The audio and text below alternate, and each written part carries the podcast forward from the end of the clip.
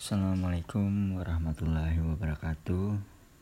Perkenalkan Nama saya Lukman Aji Syahputra Saya berasal dari Prodi Ilmu Pemerintahan Angkatan 2018 Di Universitas Lambung Mangkurat. Nah, dalam podcast ini saya akan membahas aplikasi yang bernama eSimple. Apa sih yang dimaksud dengan aplikasi eSimple itu?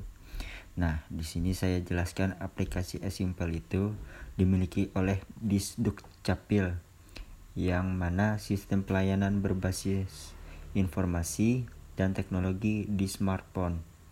Aplik aplikasi ini menyediakan di mana masyarakat lebih mudah untuk mengurus dokumennya sendiri. Keuntungan dari pengguna aplikasi eSimple adalah masyarakat dapat memberikan penilaian terhadap kinerja di dus di Dukcapil sehingga dapat dijadikan masukan dalam upaya peningkatan kualitas pelayanan yang pelayanan pada masa yang akan datang. Aplikasi eSimple memudahkan masyarakat dalam mengurus administrasi kependudukan.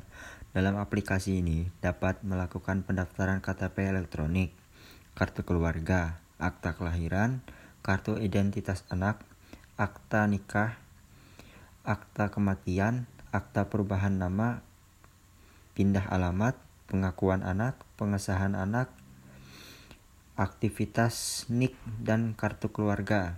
Menggunakan aplikasi ini, masyarakat bisa menghemat biaya. Penghematan biaya di sini berarti masyarakat tidak memerlukan uang untuk menempuh jarak pulang pergi ke dis Dukcapil.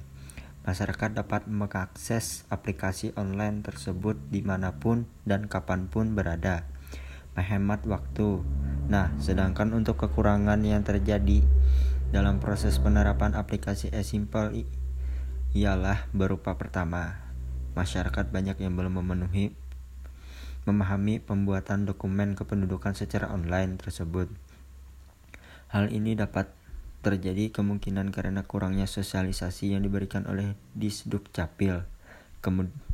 Kedua, banyaknya masyarakat yang masih meragukan mengenai pembuatan dokumen kependudukan secara online tersebut dalam hal keabsahan data yang diinput.